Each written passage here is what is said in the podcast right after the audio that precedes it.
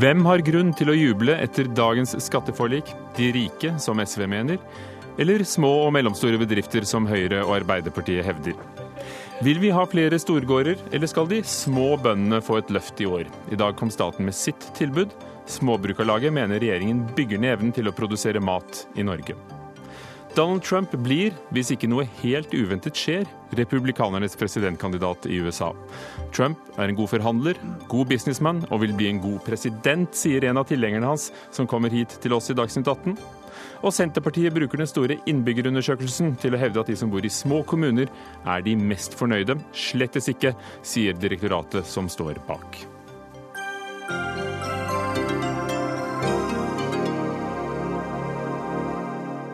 Velkommen til Dagsnytt 18 i NRK2 og P2 med Ugo Fermariello i studio. Først til saken som har ført til mange politiske slagsmål i norsk politikk skatten. I Stortinget for et par timer siden la Høyre, Fremskrittspartiet, Venstre, Kristelig Folkeparti, Senterpartiet og Arbeiderpartiet frem detaljene i hvordan skattesystemet skal bli. Hvem mangler? SV. Snorre Valen, du sitter her. Hvem mener du vinner på dagens forlik, sett fra utsiden fra SV? Det er de aller mest formuende aksjonærene i landet. De får en eh, rabatt på formuesskatten på 20% på aksjeformuen sin. Eh, det utgjør et kutt i formuesskatten på 1,1 milliarder kroner, hvor det aller meste går til de som har de største formuene. Det trekker Norge i feil retning. Eh, og det gjør skattereformen til en tapt mulighet. For det vi trenger er å bekjempe ulikhet og sørge for mer rettferdig fordeling. De med mest formue vinner, sier du. Marianne Martinsen, finanspolitisk talsperson i Arbeiderpartiet. Dere har vært med på forliket. Hvem vinner? Mm. De som vinner i dag, det er norske bedrifter og alle som er opptatt av at det skapes arbeidsplasser i Norge. For dette er først og fremst et forlik som dreier seg om næringsbeskatning, og som gjør det mer lønnsomt å investere i arbeidsplasser i Norge. Og så har det vært viktig for oss at som en del av dette forliket så skal vi sikre statens inntekter, sikre at det fins en eh, forpliktende plan for inndekning, eh, og at partiene står fritt til å drive fordelingspolitikk og til å ha sin egen oppfatning av hva slags skattenivå vi skal ha i Norge men det er bedriftene som vinner. Siri Melding fra Høyre, skattepolitisk talsperson. Hvem vinner? Har eh, dere vunnet? Jeg vil si at eh, arbeidsplassene vinner, eh, og særlig norskeide arbeidsplasser. For det er en sammenheng mellom det å kunne redusere skatten og det å styrke arbeidsplassene. Og gjennom den enigheten vi nå har, så er vi enige om en retning hvor vi senker skattene, både når det gjelder selskapsskatt, vi er òg enige om å gi den rabatten på aksjer og driftsmidler i formuesskatten, som vi tenker er viktig. Så jeg vil si, eh, hvis jeg bare skulle si ett ord, eh, at det er norske arbeidsplasser som tjener på at vi nå har kommet til en enighet. Det er tre hovedpunkter eh, i, i denne, dette forliket. Så skal detaljene på plass etter hvert, men det blir 20% mindre formuesskatt for alt som står i aksjer eller eierskap i bedrifter. Både folk og bedrifter skal betale 23% skatt istedenfor 25 som det er i dag. Og så skal finansnæringen få en egen skatt etter hvert. Det, det er tre hovedlinjer. Og, og Snorre Valen, hvis det er sånn at dette blir et løft for bedriftene, for arbeidsplassene, hva er det du da ikke har forstått? Altså, Reduksjon i skattesats syns vi er god, så lenge det fører til et mer rettferdig skattesystem. og Det er jo ikke gitt med Høyre i regjering, men i prinsippet syns vi det er greit. Eh, vi syns ikke det er noe problem. Problemet er at man bruker store summer på å senke formuesskatten og senke utbytteskatten for eh, de rikeste eierne. Så er vi veldig glad for at det kom på plass en finansskatt. Vi var det eneste partiet som gikk til valg på det i 2013. Nå er hele Stortinget med. Det er veldig bra. Eh, men det gjør det ikke verdt det å skulle stemme for 1,1 milliarder kroner i formuesskattekutt, som vil øke formuesulikheten i Norge. Det er penger som heller burde vært brukt på å skaffe arbeid til flere, og redusere forskjellene og skaffe bedre velferd i en vanskelig tid i Norge. Men dette er måten å skaffe arbeid til flere, mener dere, Marianne Martinsen? Altså, hele Snorre Valens resonnement her bygger jo på at formuesskattesatsen ligger fast. Og det har vi altså ikke forplikta oss til. Tvert imot så har vi tatt fighten for, på bakrommet med de borgerlige, at vi fortsatt skal ha et grunnlag å beskatte formue på i Norge. De borgerlige var i ferd med å etablere et flertall hvor man ville ha radert ut grunnlaget for å beskatte formue. Den fighten tok vi. Vi vant den uten hjelp fra SV. Og så blir det en diskusjon på hvor mye skatt man betaler Absolutt, på det grunnlaget. Absolutt, Men vi får en bedre formuesskatt på denne måten. Jeg er jo veldig glad for at det er et flertall på Stortinget, bestående av Høyre, Fremskrittspartiet, men også Kristelig Folkeparti og Venstre, som er veldig tydelig på retningen i forhold til nivå på formuesskatten, og da på arbeidende kapital. at vi er tydelige på at vi ønsker å redusere denne og fase denne utover tid. Og så er vi glad for at vi òg nå får et uh, gehør for at uh, det er en sammenheng mellom skatt og arbeidsplasser. Altså Reduserer vi skattene, så styrker vi òg arbeidsplassene.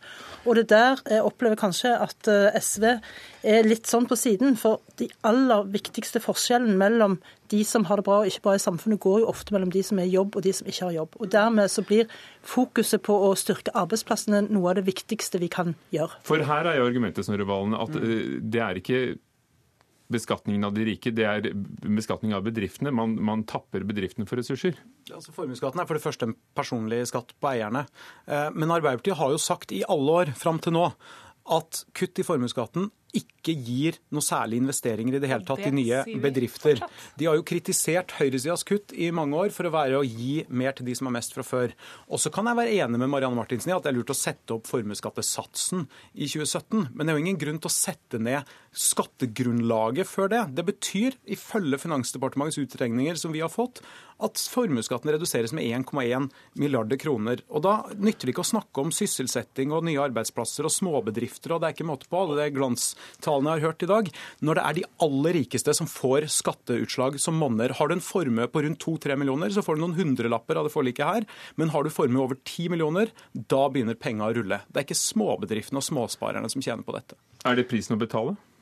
Ja, men kjære vene, Her inngår vi et forlik som gjør at vi får en bedre formuesskatt. Det er ikke sånn at Arbeiderpartiet har, gi, har, gitt seg på denne saken. Det er Arbeiderpartiets forslag som vi nå har fått gjennomslag for. Vi la fram i høst vi, et dokument hvor vi foreslo at vi reduserte verdifastsettelsen på investeringer i bedrift til 80% fordi at vi vil ha en likebehandling i formuesskatten. Sånn som formuesskatten har fungert fram til nå, så har det altså vært mer attraktivt å investere i leilighet nummer to eller tre eller fire enn å f.eks. investere i en maskinpark. Det gir ikke mening. Og Det har vært en skeivhet i formuesskatten som vi har snakka om i mange sammenhenger, som vi har ment at det har vært viktig å rette opp, fordi at det gjør at mer kapital vil kanaliseres inn i produktive bedrifter istedenfor i eiendom. Men at store generelle formuesskattekutt fører til masse arbeidsplasser, det er, vi, det er en teori som uh, har vist seg ikke stemme. Og vi er fundamentalt imot de store generelle formuesskattekuttene som denne regjeringa har prioritert så langt. For, for, dere, et lite øyeblikk, Høyre, Siri Meling, dere måtte jo trekke denne merknaden om at skattebyrden skattebyrden for norsk privat eierskap skal reduseres, formuesskatten på arbeidende kapital må reduseres, og på sikt fases ut. Dere, du sa det i sted at dere ønsket det, men, men, merknaden måtte ut fra forliket. Har dere eh, gitt opp noen av merkesakene deres og noe av det dere tror på? Nei, eh, vi er tydelige på retning. Eh, de fire samarbeidspartiene, det var vi allerede i, grunnlaget for eh, regjeringsplattformen, at vi ønsker å redusere formuesskatten. Og Det gjør vi fremdeles, og det gjør vi òg uttrykk i, i denne skattemeldingen i innstillingen. Men vi gjør det håper jeg, hver på vår kant istedenfor å stå sammen og, og danne en såkalt flertallsmerknad. Men det er formalia. Realiteten og retningen er vi fire borgerlige partiene tydelige på. Vi ønsker å redusere skatten på arbeidende kapital i formuesskatten. Eh, vi er glad for at vi nå òg har fått Arbeiderpartiet med på å, å, å, få en eh, rabatt på aksjer og driftsmidler. Men det er klart vi ønsker å redusere ytterligere, og vi ønsker at den skal fases ut. Og Det er vi tydelige på, òg i innstillingen. Riktignok hver for men, oss i merknader, men, men Realiteten er det viktigste. Hvem kommer forslag, ja, alle, alle, vil med, men hvem kommer forslaget først? Bare for å rydde opp i det. Du sier det var dere i Arbeiderpartiet? Vi la fram forslaget om 80% verdifastsettelse allerede i oktober, ja. Så dette var vårt forslag.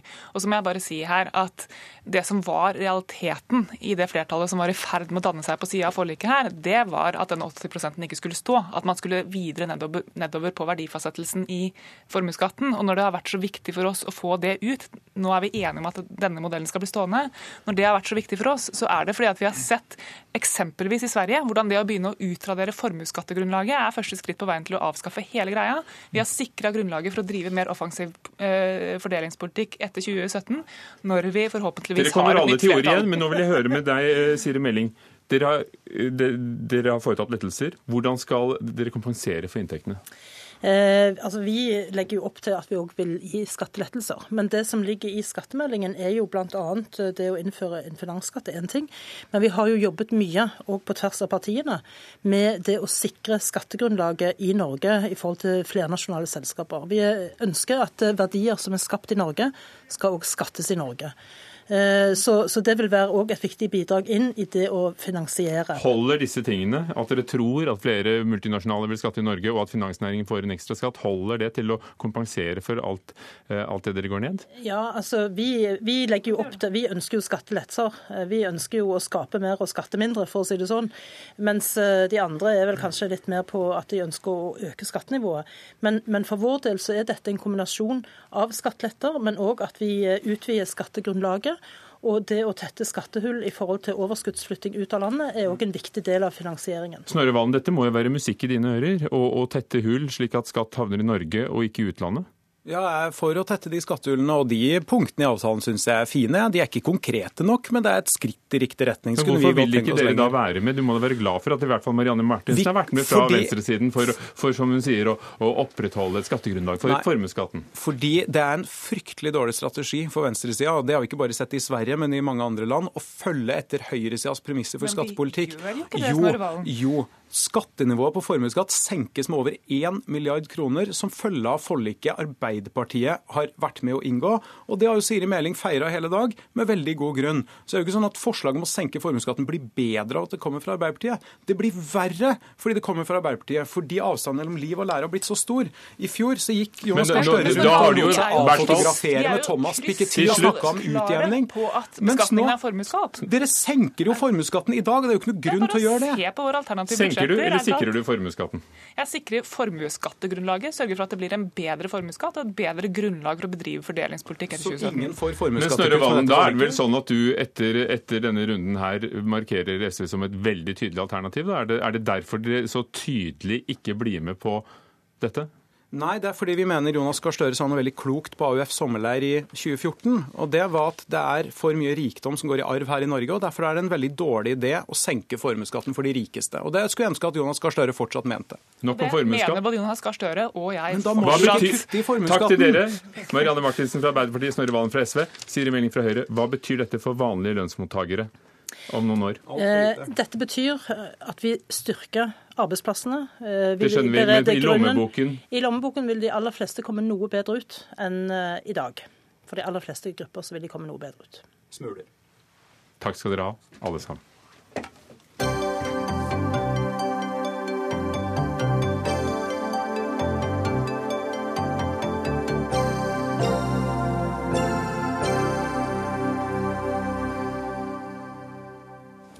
Denne uken ble det debatt etter at tolv år gamle elever på den kristne privatskolen Danielsen fikk utdelt et skriv om Muhammed og Jesus. På arket syvendeklassingene fikk med seg hjem, sto det at Muhammed spredte islam med krig, mens Jesus døde for våre synder. synder. Og slik var det satt opp i skjema, forskjellen på de to. Og dette synes du er helt greit. Vebjørn Selbøk, redaktør i den kristne dagsavisen eh, Dagen. Eh, hvorfor skal barn få en sånn skjematisk oppdeling? Annen, jeg tar med et annet eksempel, f.eks. at Muhammed spredte islam i krig, Jesus vendte det andre kinn til.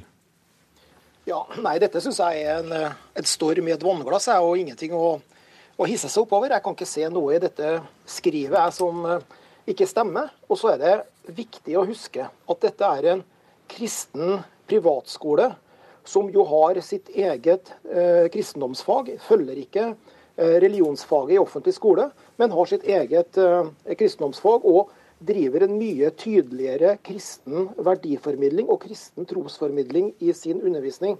Og Det er jo derfor noen av oss sender barna våre eh, på kristne privatskoler. Jeg har sjøl gjort det med alle mine tre barn, fordi vi ønsker mer vektlegging av kristen tro. Vi ønsker ikke en eh, en fremstilling der man sier at alle religioner er like bra. På en kristen friskole må man kunne undervise også om forskjellene på kristen tro og på islam og på Jesus og Muhammed. Det syns jeg er helt greit. Og Vi har selvfølgelig spurt rektoren på Danielsen-skolen på Sotra, Frode Monsen, om å delta i Dagsnytt 18, men han sier at uh, dette skrivet som ble delt ut, uh, ikke er i tråd med skolens kristendomsplan. Det ble, det ble, gjort utenom skolens offisielle politikk, og at skolen derfor ikke ønsker å, uh, å få noe støtte for skolen selv ikke støtter. Hva synes du om det, Selbekk? Nei, altså jeg er generelt uh, av den oppfatning at vi trenger mer fokus på personen Muhammed. Uh, det er jo et voldspotensial i alle verdensreligionene, også den religionen som jeg bekjenner meg til, kristen tro. Men islam er likevel i en særstilling når det gjelder dette at man har en, en uh, voldens mann, en krigens mann, som religionsstifter. Det er det ingen andre religioner som har. Det trenger vi å lære mer om. Det trenger tolvåringer, uh, ungdomsskolelærere på Sotra å lære mer om. Og Men det trenger vi også at en større ikke bevissthet i det norske samfunnet. Skulle gå inn i religionshistorien og i tolkningen av religiøse tekster her. Så jeg spør deg, Espen Ottonsen, informasjonsleder i, i Misjonssambandet. Hvordan ser du på denne skjemafremstillingen? Muhammed kriger, Jesus vender andre kinn til. Nei, Jeg støtter veldig opp om det rektoren ved denne skolen har sagt. Eh, Jeg er for så vidt enig i veldig mye av det Vebjørn Selbekk også sier. Men akkurat måten eh, skolen presenterte forskjellene på islam og kristendom, den syns jeg er for eh, polariserende. Og særlig når vi da tenker på at dette var altså overfor eh, tolvåringer. Er det faktagrunnlaget i dette arket du, du ikke synes noe om, eller er det selve polariseringen å stille det opp mot hverandre på denne måten? Ja, Det er måten det blir gjort på. fordi at eh, det, Dette faktaarket inneholder jo et utvalg. Eh, og jeg tror alle muslimer omtrent eh, vil oppleve eh, at her trekker man fram deler ved muslimsk tro som, eh, som blir presentert veldig negativt, og man presenterer kristendom utelukkende positivt. Eh, og jeg syns det må være et ideal eh, når kristne snakker om muslimer, at de snakker om deres tro på en sånn måte at de kjenner seg noenlunde igjen i det.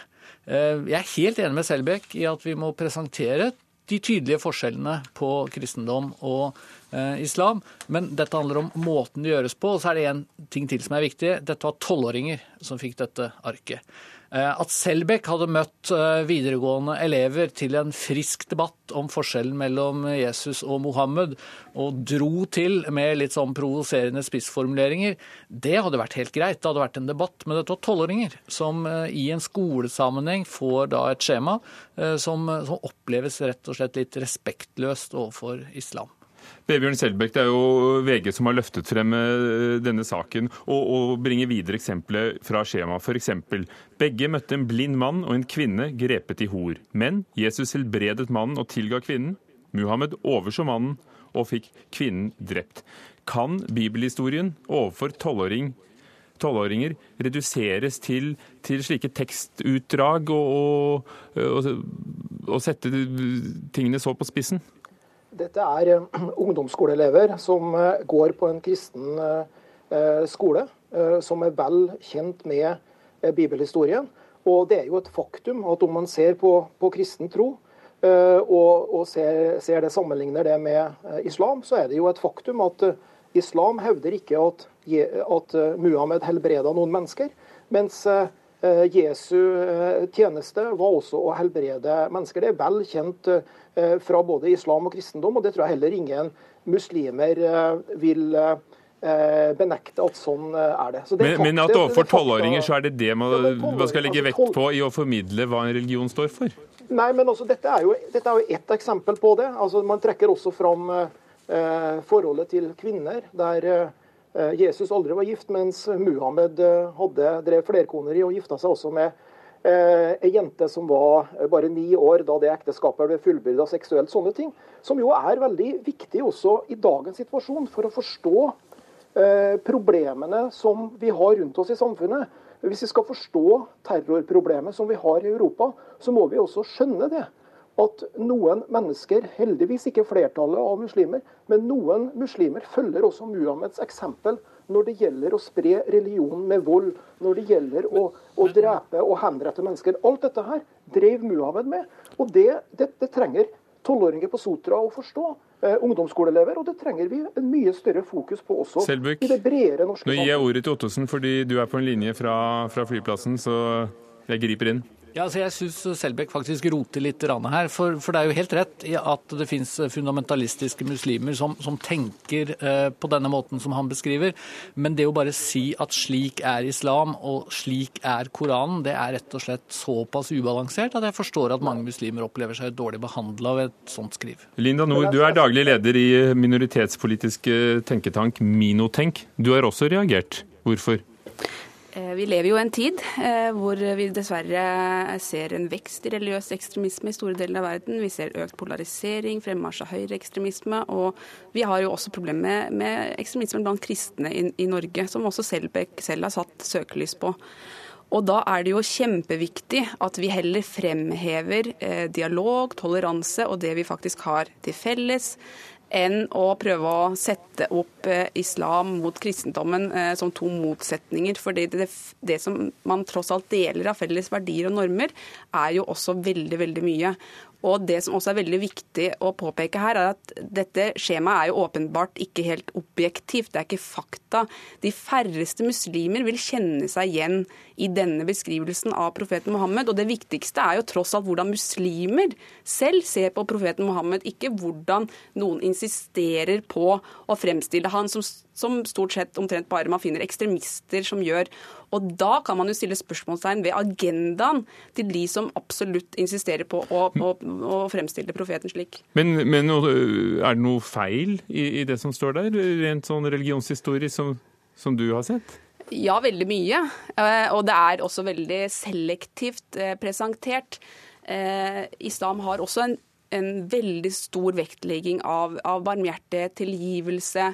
Også veldig mye av de samme elementene som er veldig viktige i den kristne troen. Men all kunnskapsformidling er jo subjektiv, et utvalg av fakta. Er ikke det et poeng med å ha kristne privatskoler, at de kan uh, ha en annen undervisning enn det du får på den offentlige skolen? Jeg syns nettopp at det foregår på en kristen privatskole også gjør det særdeles bekymringsverdig. For der får man jo ikke de naturlige motstemmene som man ville fått hvis det her hadde vært på en skole med f.eks. flere muslimer, som kunne ha sagt nei, men hør her, dette her er ikke en, en god og sannferdig fremstilling av hvordan vi tror uh, på vår religion.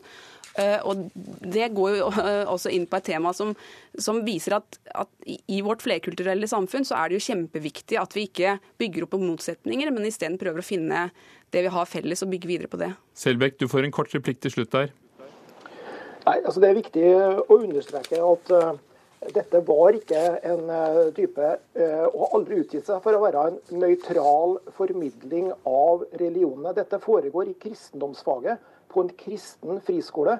Og de må ha undervisningsfrihet til også å legge vekt på det som skiller kristendom og islam. Man kan ikke på en kristen friskole forlange at man sier at alle religioner er like grei, og Muhammed og Jesus, det er ikke noe forskjell på det. Det er store forskjeller. der, med deg, Selbekk, det... men, men, det er mye viktigere, tenker jeg, at vi løfter positivt fram hva kristendom er, eh, istedenfor å gjøre noe som oppleves som en nedrakking på Og nå har vi løftet dere frem, og mer rekker vi ikke. Takk Espen Ottosen i, i Misjonssambandet, takk Vebjørn Selbøk, redaktør i Dagen, og til deg, Linda Nord, i tenketanken Minotank.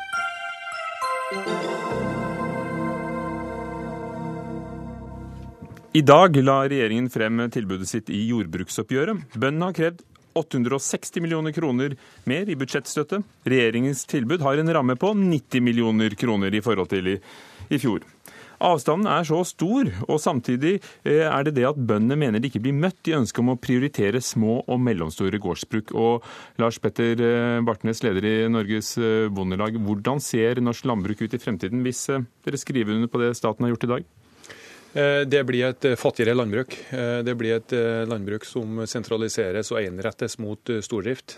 Og det er ikke i tråd med de forventningene folk har til framtidig landbruk og matproduksjon. Det er sterkt fokus på trygg mat og landbrukets rolle og tilstedeværelse i å pleie landskap og bygge verdier til folk ute i distriktene. Så det opplegget som er lagt fram, det fører til en ensretting til, til stordrift. Merete Furuberg, leder i Norsk Bonde- og Småbrukarlag. Det er jo nytt at dere to er helt enige her. I fjor så trakk dere dere fra forhandlingene. Eh, det er bra at eh, et samlet jordbruk nå står sammen om å eh, få til økt løft på små og mellomstore bruk. Det er så store inntektsforskjeller imellom bruksstørrelser og imellom produksjoner. Og vi må få til at det blir et løft for distriktsjordbruket, for å få til at vi har arbeidsplasser i distrikter. Og for å øke norsk matproduksjon på norske ressurser, så må vi òg ha matproduksjon i distrikta der jordarealene ligger. For vi vet jo at vi kan ikke flytte og sentralisere jordareal kornarealer. Og da blir det matproduksjon på importert fôr, slik som deler av det som regjeringen nå legger fram. Leif Forskjell, det er du som har lagt det frem, statens forhandlingsleder i jordbruksoppgjøret. Har dere tatt hensyn til begge organisasjonenes eh, krav da dere la frem tilbudet? Ja, Jordbruket har lagt fram et eh, felles krav. Vi har jo i en viss grad eh, sett på det og også besvart, besvart det. Men jeg må nok først si at jeg er nokså forundra over kommentarene fra jordbruket i dag. Delvis fordi at utviklinga i norsk jordbruk nå er veldig god. Meget sterk inntektsvekst på 15% fra 2014 og fram til nå. Og vi tilbyr da en videre vekst på 1,5 inn, inn i neste år. Så utviklingen inntektsmessig er god. Utviklingen i produksjon er god. Kost... Hvem får den økte inntekten? Jeg kommer tilbake til det. Kostnadene eh, går ned. Så er det jo riktig som programleder påpeker at Norges Bondelag og Norsk Bonde- og Småbrukerlag står nokså samstemt om denne kritikken av innretningen.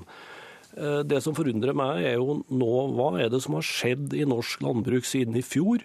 Og hva er det som har skjedd i Norges Bondelag siden i fjor? For i fjor inngikk eh, Norges Bondelag og staten en jordbruksavtale med en innretning med en nøytral profil, sånn som staten har lagt fram i tilbudet i, i år. Så mitt spørsmål er til Bartnes. Hva har skjedd i Norges Bondelag og i norsk landbruk siden i fjor, som, eh, som gjør at situasjonen nå er så forandra? Er det en nøytral profil dere ikke har fått øye på?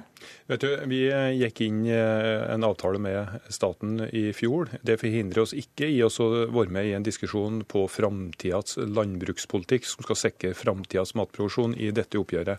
Det, den forhandlingsløsningen som vi fikk i fjor, var basert på fjorårets. Og vi ser at ut utviklinga i næringa eh, er eh, sterk i retning av at det er enkelte grupper i næringa som har bedre utvikling enn andre. Og det er også da store volum som samla sett, som, som sett, produseres på de små og mellomstore bruka. Og Det også sikrer nå framtidas matproduksjon gjennom også et mangfold i matproduksjon som, som må holdes ved like. Det er viktig for oss. Sier dere at denne, denne veksten den gagner ikke alle? Eh, på ingen måte. Og Norsk Bonde- og Småbrukerlag brøt jo forhandlingen i fjor ved at vi så at det, det går helt feil retning.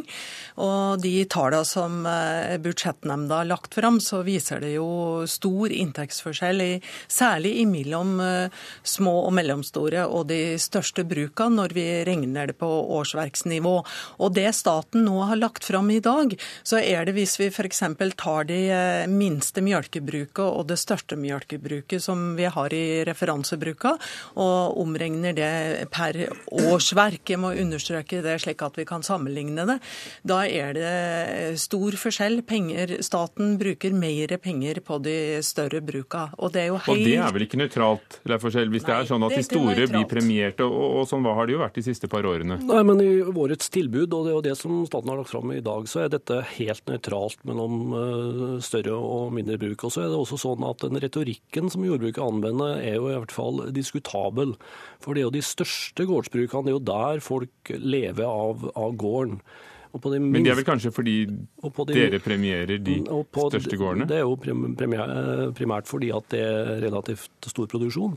Men på de mindre brukene så har jo folk ofte flere bein å stå på, som man sier. De har ofte lønnsinntekter, og totalinntekta for familien er jo ikke dårligere Eh, for de mindre gårdsbrukene enn for de, de store gårdsbrukene. Utfordringene er jo Og altså mener du at det kan produseres mat i hele Norge? Også mener jeg at uh, siden 80 eh, av maten produseres på gårdsbruk med mer enn ett årsverk, så har den innretninga i tidligere profil uh, også en gunstig effekt for produksjonen av, av mat. Og da, og da er det sånn at eh, det mangfoldet som vi setter fokus på i årets jordbruksoppgjør, er helt avgjørende å bringe framover med en økonomisk utvikling. For, Men er det det at dere vil løfte, Han sier jo at det er helt nøytralt. Er det det at dere altså- vil at det ikke skal være nøytralt? At de små og mellomstore skal få mer for å, å, å, løftes opp? Ja, så det er jo sånn at eh, Jordbruket i Norge er finansiert på to, eh, to hoved, hovedkilder. Det ene det er prisuttak i markedet. Det er de store og de største brukene som uh, klarer å hente største inntekter på det fordi at det er større volum. og ha, De har også i stor grad stordriftsfordelene. Det som er så flott med norsk landbrukspolitikk, det er at vi bruker budsjettoverføringer til å utjamne strukturulemper, der at de små og mindre brukene har uh, ikke stordriftsfordeler, men man kompenserer for det. Man kompenserer også for distrikts riksvise ulemper, det er at man driver matproduksjon i mer karrige forhold. Det er jo det som er en del av det viktige mangfoldet i landbruket, som folk er glad i. Og de som gjør det, er ofte medlem av din organisasjon? Eh, her er vi enige på det punktet i det vi har lagt fram. Og så er det, når vi ser eh, Høyre og Fremskrittspartiet, så er det jo partier som eh, vil bruke markedet. Og da stiller jeg spørsmål hvorfor i all verden om ikke da gjør det i jordbruket. For det er jo slik som Bartnes sier, at de større har muligheter til å ta ut inntektsveksten i, fra markedet gjennom inntektsøkning gjennom økte priser. Og så må vi bruke skattebetalernes penger til å øke for eh, små og mellomstore bruk ute i distrikter, der vi da har små jordbruksarealer. og der vi skal Så, så dere vil ikke ha et nøytralt oppgjør? Dere vil ha et oppgjør som løfter de minste? Eh, på, med budsjettpenger, ja, så absolutt. Og så får de store inntektsøkningen gjennom prisøkning. Leif Forskjell, det er jo et ganske stort sprik når det gjelder ikke bare innretningen, men, men også kravet. Dere tilbyr en samlet ramme, og det er jo flere mekanismer her, på 90 millioner kroner. Uh, og, og, kravet fra begge bondeorganisasjonene til sammen er da på 860 millioner kroner. Hvor, mye, hvor store er de totale overføringene til landbruket? Ja, Den totale budsjettoverføringen er jo 14,4 milliarder kroner, slik at alle tall må jo måles opp mot det hva angår budsjettet. Og så har jo da også jordbruket markedsinntekter. Men, for... Men er dette et spill, at dere er så langt fra hverandre, og så vil dere havne rundt i midten, slik dere gjorde i fjor? Eh, vi er jo ikke så langt fra hverandre hvis man ser på totaliteten, fordi ethvert jordbruksoppgjør er en endring fra tidligere. Så hvis man ser på totaliteten, så er jo ikke avstanden så stor når det gjelder kroner og øre. Men det diskuteres jo ikke, eller kritiseres ikke så mye fra jordbruket i dag. Det vi hører er at de kritiserer innretningen på pengebruken. Og Bortsett fra at vi da har en nøytral inngang mellom uh, i dimensjonen stor og liten, så, så, så, har vi også et opplegg for å stimulere dette mangfoldet som jordbruket snakker om. Hvordan er det? Jo, det, det, det gjør vi da ved at vi stimulerer kornproduksjon i kornstrøkene. Og, så stimulerer vi beiting, utmark, beiting i utmark bl.a. i grasområdene. Så vi stimulerer jo, eh, bortsett fra nøytraliteten, akkurat i den retningen jeg trodde at jordbruket ville. Og vi får ikke tatt alle detaljene i dag, men dere får en replikk hver, eh, Bonde- og småbrukarlaget stimulerer til, til, beite. altså Da blir det jo ikke mer kraftfôr da, hvis, hvis, det stimuleres til beite? Be, beite er det veldig bra å stimulere til, men nå er jo beitetilskuddet det er et flatt tilskudd. Så det òg favoriserer de største. Men når vi ser på det som staten har lagt fram, så er det veldig dårlig det som er lagt fram som tilbud på sauebruka. Og de aller fleste eh, sauer beiter. Og når du da ser helheten, så er det ikke bra nok. Hvis det er sånn at folk etterspør stadig mer økologisk mat og, og, småprodukter, kan ikke dette nærmest lønne seg av seg selv? Eh, I forhold til mangfoldet som statens forhandlingsleder beskriver, så er, vi, eh, så er vi enige om at det er viktig å styrke kornproduksjon i kornområdene og grasproduksjon der det er effektivt å produsere gras. Men når vi kommer til fordelingsspørsmålet, og der at det er faktisk store volum, ca. 50 av melka produseres på små og mellomstore bruk, og hvis man ikke stimulerer de brukene til å være med inn i framtidslandbruket, så mister vi store verdier verdier som det er vanskelig å sette en prislapp på, men folk er veldig glad i. Og denne og det prislappen skal vi også diskutere det, i ukene fremover. Og det mangfoldet her er viktig for folk. Takk. Lars Petter Bartnes i Norsk Bondelag, Merete Furuberg i Bonde- og Småbrukarlaget, og Lars Forskjell, som la frem statens forslag i dag.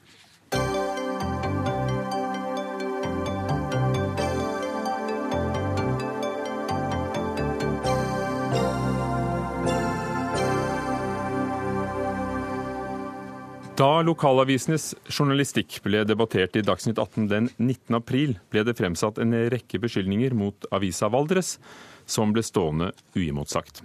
NRK Nyheter beklager at avisens redaktør, som avviser beskyldningene som grunnløse, ikke var invitert til å imøtegå beskyldningene slik kravet er i Var varsom-plakaten. Nå skal vi snakke om amerikansk valgkamp. Etter at Ted Cruz i natt uh, trakk seg, ser det ut til at Donald Trump har sikret seg nominasjonen til å bli republikanernes presidentkandidat. Det skal skje noe ganske uventet for at det ikke blir sånn. Lederen i republikanernes nasjonale komité sier at alle nå må samle seg rundt Trump og fokusere på å slå Clinton. Tor Steinhovden, rådgiver i Agenda, du har bodd seks år i USA, har også jobbet på den amerikanske ambassaden i Oslo. Er det slutt for de republikanerne som ikke vil ha Trump? Ja, det er nok det. Og siden du gikk på lufta, så har faktisk John Kasich også trykket seg eh, i USA. Så nå, eh, nå, er det ingen motkandidater igjen på, på republikansk side. Og da vil nok, da vil nok motstanden mot han falle sammen. Og etter gårsdagens valg, som jo var en knusende seier til, til Trump i Indiana, så vil han nå 1237 før landsmøtet, som da er 50% av delegatene. John Kasich har trukket seg for noen minutter siden. Ted Cruz har trukket seg. Hva skal de gjøre, de som ikke ønsker seg Trump i partiet? Ja, det finnes jo en gruppe av eh, litt sånn pengesterke donorer som kanskje ikke helt har gitt seg ennå. Eh, selv om Ryan Priebus eh, sender et veldig klart signal til partiet og deres følgere, så finnes det folk der ute som nå lurer på om de kan stable på beina et tredje parti kandidatur. Eh, de fleste tidsfristene for det er jo i mai, eh, og det skal litt til. Da sier man jo i realiteten at Hillary Clinton kan bli president. Og så skåner vi de andre republikanerne som stiller til valg i Senatet og Representantenes hus, med å ha en kandidat som kan gi de dekke mot Trump, for å si det sånn. John Abdul Monadi fra Republicans Abroad her i Norge, hva er ditt inntrykk? Vil amerikanere i Norge samle seg rundt Trump, altså amerikanske republikanere formodentligvis? En gang til. Vil dere, republikanere fra Take it in English? ja, du kan svare på, på engelsk. Okay. Vil, vil, dere støtte Trump, alle republikanerne i Norge? Uh, det er bra spørsmål, men uh, I, if you're asking me how do Norwegians feel about this situation? Or Americans in Norway? Americans in Norway. Uh, that's a good question. Uh, throughout a thread on Facebook, I found many Americans that do not like Trump. Uh, so that's an interesting point. But um, we have to see how things pan out back home in America. So it seems that Americans are stepping out in the Republican primaries, and Trump's on the way to represent the Republicans. So, but uh, the Americans here, I think, are more democratic. I think due to the systems that we have here, where you can actually see the taxes working for you. For example, a mother who stays home for one year with her child gets to keep her job and secure her finances. Whereas in America we don't have that, so. Så se hvordan det virker i Norge har gjort, uh, gjort at ganske mange amerikanere her faktisk er kanskje mer demokratisk anlagt, eller på demokratenes side, og du vil se det an litt i USA. Men hva syns du selv? Uh, personlig, altså? Yeah, yeah, personally. Not for the Republicans abroad. I speak for myself. Uh, Trump, I believe, is the right person for the right time. I think he's very pragmatic. He's a smart man. I think you can over if you can see past the the facade of the acting in some instances. I think he's a good candidate. And uh, but of course there are some things that he has roused up in America that people are afraid of. But I think overall, I think he would be a good president for the country. Pragmatisk og smart. Og hvis man ser litt sånn gjennom eh, det ytre og, og faktene, men, men, tror du han vil forandre eh, taktikk, forandre talemåte, Eh, nå som han står alene på scenen? Uh, I believe that uh, the act that you see is smoke and mirrors. Underneath is a man who's very smart, who uh, thinks very well uh, and has good plans for the country. Uh, we can spend time dissecting exactly what that is, but I know we don't have time for that. Så det er fakter og spill for galleriet, det vi ser, men under dette her, med, med, med røykspeilet som holdes opp, så, så er det en substans. Yeah, en god leder. Altså, det er jo et uh, interessant poeng. Jeg, jeg, lurer på hvor mange av de uh, som støtter Trump, som syns det er en positiv ting i tilfelle. Altså, Han har jo vært en protestkandidat så langt. Og Hvis det viser seg at det var bare spill, og at han nå skal inn mot midten, som jo veldig mange presidentkandidater gjør i USA på den, i det tidspunktet vi er på nå, så tror jeg det er veldig mange Trump-fans i USA som kommer til å bli ganske skuffa over det. Hva Er dette en styrke for Hillary Clinton? Kan hun faktisk få, få, seg noen republikanske velgere, tror du? Eh, det vil jeg tro. Altså, Trump er jo veldig polariserende, om ikke annet. Eh, og det er nok mange, mange moderate republikanere som nå vil se mot Clinton som et bedre valg. Eh, det er jo kanskje det verste de kunne tenkt på for et halvt år siden, men mye har jo endra seg siden da. Men ser man på målinger, da, så leder jo Hillary Clinton med opp mot 13 prosentpoeng. Eh, på Trump. Mye kan jo skje, det er lenge igjen. Og han, han er jo veldig upopulær blant minoritetsvelgere f.eks., og, og kvinnelige velgere også. Men har jo en appell som vi ikke kan benekte etter hvert. Altså For eh, åtte måneder siden så avskrev vi alle Donald Trump. Eh, men vi ser jo i dag at han er blitt republikanernes kandidat. Trodde du, som republikaner selv, at Trump ville bli kandidaten deres? Uh, I do believe that there are still people out there who will not support him. Uh, Republicans uh, have a group called Stop Trump campaign. Uh, up until this morning, I thought there might be a chance for Republicans to stop him if Kasich had gone on to California. But Kasich dropped out, as we know, just recently, as well as Cruz. So this looks like it's an open, open door for Trump to be the Republican candidate. And if you were speaking, will he do well in the general elections? Uh, vil han det? Vil han gjøre det bra i det valget? He surprised us this far. I think he has he can keep going all the way to the White Han har overrasket oss så langt og kan fortsette å overraske oss. Du er ikke redd for at noen av dine partifeller vil lekke og stemme på Clinton isteden? Uh, det, det er mulig. Det er, it's possible that that can happen as well. Uh, just a quick note is I believe if Bernie Sanders were to be brought on by Hillary Clinton right now before they go to California and join forces on the same ticket, then that's a different uh, story. Then I think they might have a really good chance. But we have to see how they play out their end on the Democratic side. Så hvis Bernie Sanders og Clinton finner ut av det Ja, og det er jo spørsmålet hva kommer Bernie Sanders til å gjøre? Altså når, når det er avgjort på republikansk side, så vil presset være ganske stort på Bernie Sanders om at han nå må gi seg. Og jeg er ikke sikker på om han blir vice president, men, altså kandidat, men han må nok gi seg. og at det blir Clinton mot Trump. Takk skal dere ha, begge to. Tor Steinhovden, rådgiver i tenketanken Agenda, og John Adel Monadi fra Republicans Abroad i Norge.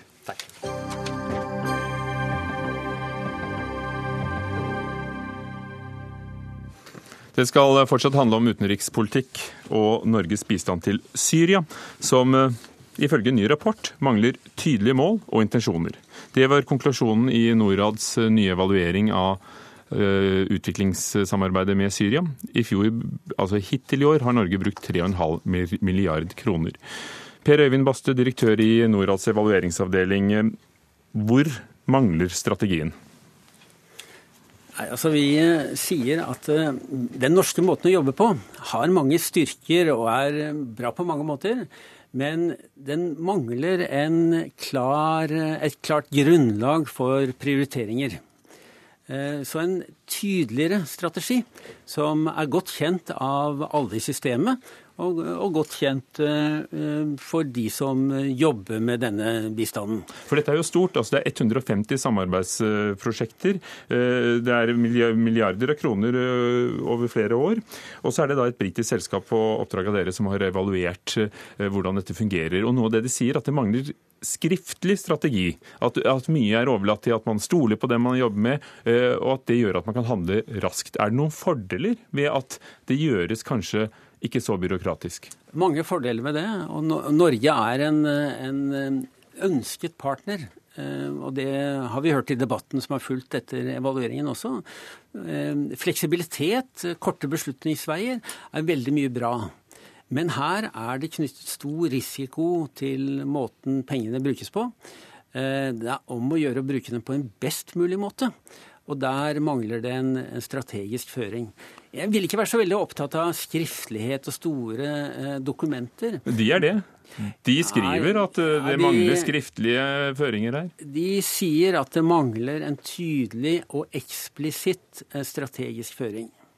Tore Hatrem, statssekretær i Utenriksdepartementet. Syria er jo et land i borgerkrig. Det er mange som står mot hverandre. Eh, Med denne, skal vi kalle det litt sånn, for å si det uøytidig, en slags sånn Indiana Jones-aktig metode, at her handler vi først, kan det være at eh, man havner i konflikter? At, dette kan brukes eh, politisk?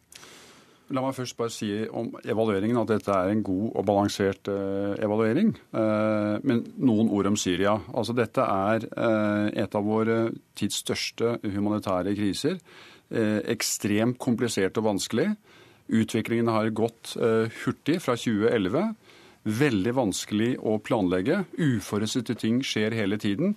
Det er i denne sammenhengen, denne konteksten, vi har, eh, vi har eh, ytt bistand til, eh, til Syria og det syriske folk under veldig, veldig vanskelige omstendigheter. Og liksom Det som sies her om, om strategi det finnes, Vi har en rekke strategiske føringer. Det som sies i evalueringsrapporten, er et kort, overordnet strategisk dokument. Men det er også viktig å huske at når det gjelder Syria, så er dette et spørsmål som har vært diskutert i norsk offentlighet, i Stortinget.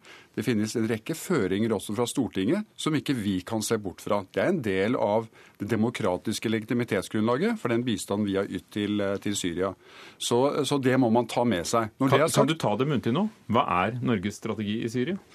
Norges strategi er, det er eh, først og fremst å hjelpe, forfølge det humanitære prinsippet om å hjelpe den, den, den syriske befolkningen og nabolandene. Det er, det er hoved, hovedstrategien. Det er jo ganske stort og, og løst. Kan det gi rom for Misbruk, eller? Her, her, er det mange ting. ikke sant? Du har hvilken sektor? Jo, vi har satset på, vi har en prioritet på utdannelsessektoren. Vi har gjort utvalg av hvilke organisasjoner vi skal hjelpe gjennom. Vi har gjort strategiske vurderinger av hvilke organisasjon er flinkest til å gjøre utdannelse, hvilken organisasjon er best til vann og sanitær. Og Her finnes en rekke rekke strategier. Og igjen, dette kritikken går ut på, det er liksom det øvre, liksom stra toppen strategiske nivå, et veldig veldig kort dokument. Og det jobber vi med. Vi har tatt dette inn over oss. Vi sier at det er, og spesielt det siste året, fordi at nå begynner konflikten å bli mer eller den stabilisert i sin, all sin elendighet, på en måte. Det ser jo ut til at det varer, ja, en stund? Vi er forberedt på at dette kan vare en god stund. Det var et klart mandat for utrederne her å medvirke til at norsk hjelp til Syria virker og holder en høy kvalitet. Hva er da de konkrete anbefalingene til de politiske? Nei, Foruten akkurat det vi har snakket om nå, om, om strategisk føring, så er vi opptatt av uh, å ha klare uh, kriterier for uh, valg av partnere.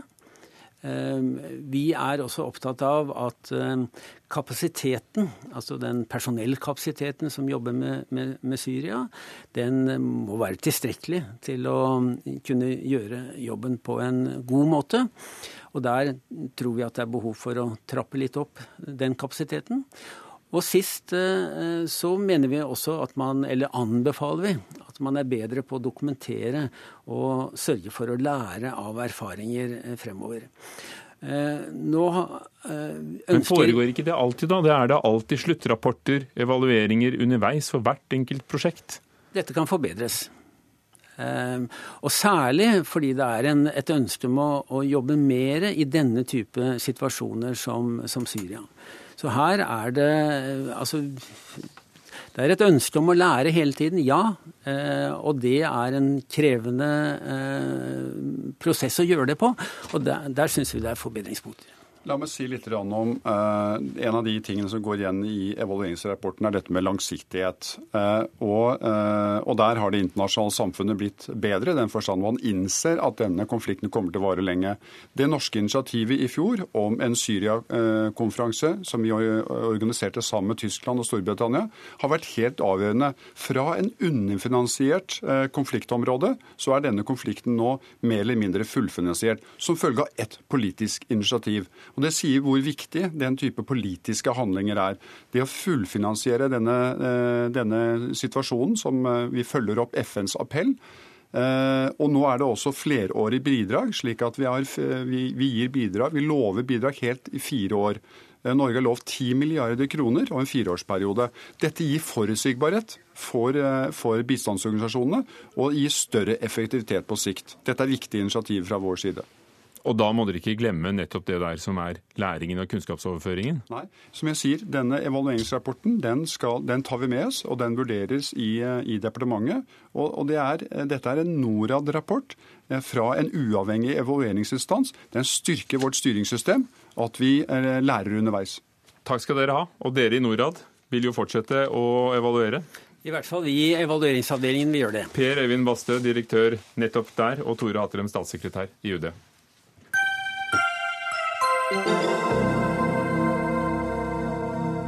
Difi heter det. Direktoratet for forvaltning og IKT har spurt innbyggerne i landets kommuner om hvor fornøyde de er med tjenestene i sine kommuner. Senterpartiet og mange motstandere av kommunesammenslåinger bruker denne undersøkelsen som bevis for at små kommuner er de beste.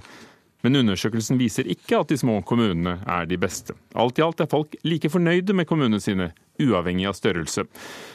Kristian Eide, prosjektleder for innbyggerundersøkelsen i Difi. Det er, det er dere som hevder dette, og, og, du har rykket ut og skrevet avisinnlegg bl.a. sist i Fedrelandsvennen for å forklare at, at denne undersøkelsen ikke viser det at de små er best. Så hva viser den? Det innbyggerundersøkelsen viser, det er at innbyggerne i Norge er godt fornøyde med offentlige tjenester, og har blitt eh, hovedsakelig mer fornøyde siden 2010. Den viser også at eh, innbyggerne alt i alt er like fornøyde med sine kommuner, uansett om de bor i store eller små kommuner. Nå ser vi at det er ganske mange som blander tilfredshet og kvalitet. Fordi de, dere måler tilfredshet, altså hvordan folk uh, Hvor fornøyde de er, fornøyde, med ulike forhold. Mm.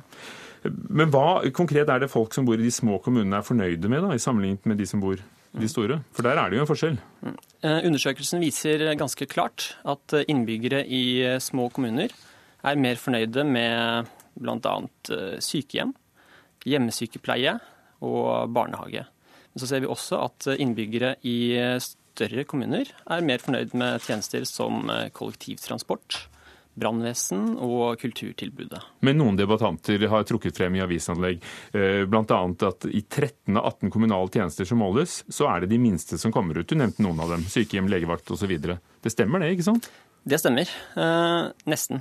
For eh, et, en av disse 13 som eh, har blitt referert til, eh, er legevakt. Og der har vi sett at det er innbyggerne i de mellomstore kommunene som er mest fornøyde. Men hva, Hvilke tanker gjør det om at, at, denne undersøkelsen brukes av flere i debatt om kommunesammenslåing, og, og, gjerne de som forsvarer å beholde mindre kommuner? For det første så syns vi det er veldig fint at det er mange som bruker innbyggerundersøkelsen. Uh, Annethvert år så spør vi over 11 000 innbyggere om hva de synes uh, om å bo i Norge og i kommunen sin, og om en rekke offentlige tjenester. Så er det da vår jobb å legge frem dette kunnskapsgrunnlaget. Og så må andre, når de skal vurdere om en kommune er god eller ikke, se på ikke bare tilfredshet, men også andre mer objektive mål på kvalitet, som f.eks. nasjonale prøver i grunnskolen, og også hvor mye det koster å tilby disse tjenestene i kommunene. Som vi skjønner, Det er et veldig sammensatt bilde. De kan brukes og tolkes mm. forskjellig. Hvorfor er det så, så viktig for dere å, å komme hit og, og klarne opp og, og skrive lesebrev i Fedrelandsvennen? Uh, i, kan ikke folk bruke disse tallene selv? Uh, ja, uh, folk kan bruke tallene. Men i nevnte leserinnlegg i Fedrelandsvennen så ble vi tillagt noen sitater som ikke kommer fra oss. Og det var også nevnt en rangering av kommuner som heller ikke er fra oss, men fra Kommunal Rapport. Derfor syns vi det var riktig å gå ut og kommentere dette og få vekk slike misforståelser. Vi skal høre hva Trygve Slagsvold Vedum, som snart skal være med i debatt her, har, har sagt og, og, i forbindelse med undersøkelsen. Det er jo sånn at I de minste og mellomstore kommunene så er folk mest fornøyd med tjenestene. Der kan du høre et eksempel. Og, og, og noen ganger stemmer det. Altså, Små kommuner med 3000 innbyggere som Alvdal, Jølster og Siljan kommer høyt oppe, mens Oslo, Bergen og Trondheim kommer ned på 200.-plass, 163.-plass osv. Ja, Som jeg var litt inne på, så er akkurat denne rangeringen ikke basert på tall fra innbyggerundersøkelsen, men det er Kommunal Rapport sin rangering. Så ser vi også at på spørsmål om hvor gode eller dårligere innbyggerne mener at de kommunale tjenestene er i sine kommuner, så er det ikke noen forskjell om de bor i store eller små kommuner. Men det er forskjell når vi spør om de spesifikke tjenestene. Takk skal du ha, Kristian Eide, prosjektleder for innbyggerundersøkelsen i Difi. Du vil ikke være med å debattere dette her politisk, for dette er jo et direktorat og en undersøkelse du har stått for. Men Trygve Slagsvold Vedum, leder i Senterpartiet, det vil du. Har du misforstått undersøkelsen? Misbruker du den? Nei, jeg gjør ikke det. for Hvis du ser på de kommunale budsjettene, så går i snitt mellom 70 til 80% av kostnadene til omsorg og oppvekst. Så det er de tunge tjenesteområdene til norske kommuner. Og der på de tyngste oppgavene så er folk mest fornøyde i de små kommunene. Og så er det jo sånn at f.eks. i Gudbrandsdalen så har det ikke kommet trikk, det har ikke kommet T-bane. Det, det, er ikke så godt kollektivtrafikktilbud i Østerdalen eller Gudbrandsdalen eller i Troms. Så derfor så er det selvfølgelig sånn at når du ser på statistikken, så ser du at på sykehjem og slik, så er det mye bedre i Der blir folk mer fornøyde i de små. Men på kollektivtransport for eksempel, så er en mye mer fornøyd i de store. Ja, for du tok det i det. For du holdt på å si at så er det mye bedre enn. Men det sier det jo ikke denne undersøkelsen noen ting om. Den sier bare om folk er fornøyd med noe. Holder det? Er ikke det bare ett kriterium av hva som gjør noe bra? Hva folk opplever? Jo, men Det er et veldig viktig kriterium da folk opplever en tjeneste. og Jeg tror det er veldig få som drømmer om å komme på Norges desidert største sykehjem. Og at man har en del smådriftsfordeler i en del mindre kommuner. Uh, som vi burde jobba mer med å få inn også i større kommuner sånn som Oslo. Sånn at eldre som er mer pleietrengende, kanskje lettere demente, får tryggere rammer rundt seg sjøl. Så vi som parti har jo tro på nærhet, enten om det er i Oslo, Trondheim, eller om det er i en mindre kommune. Så det er jo det som er vårt mål.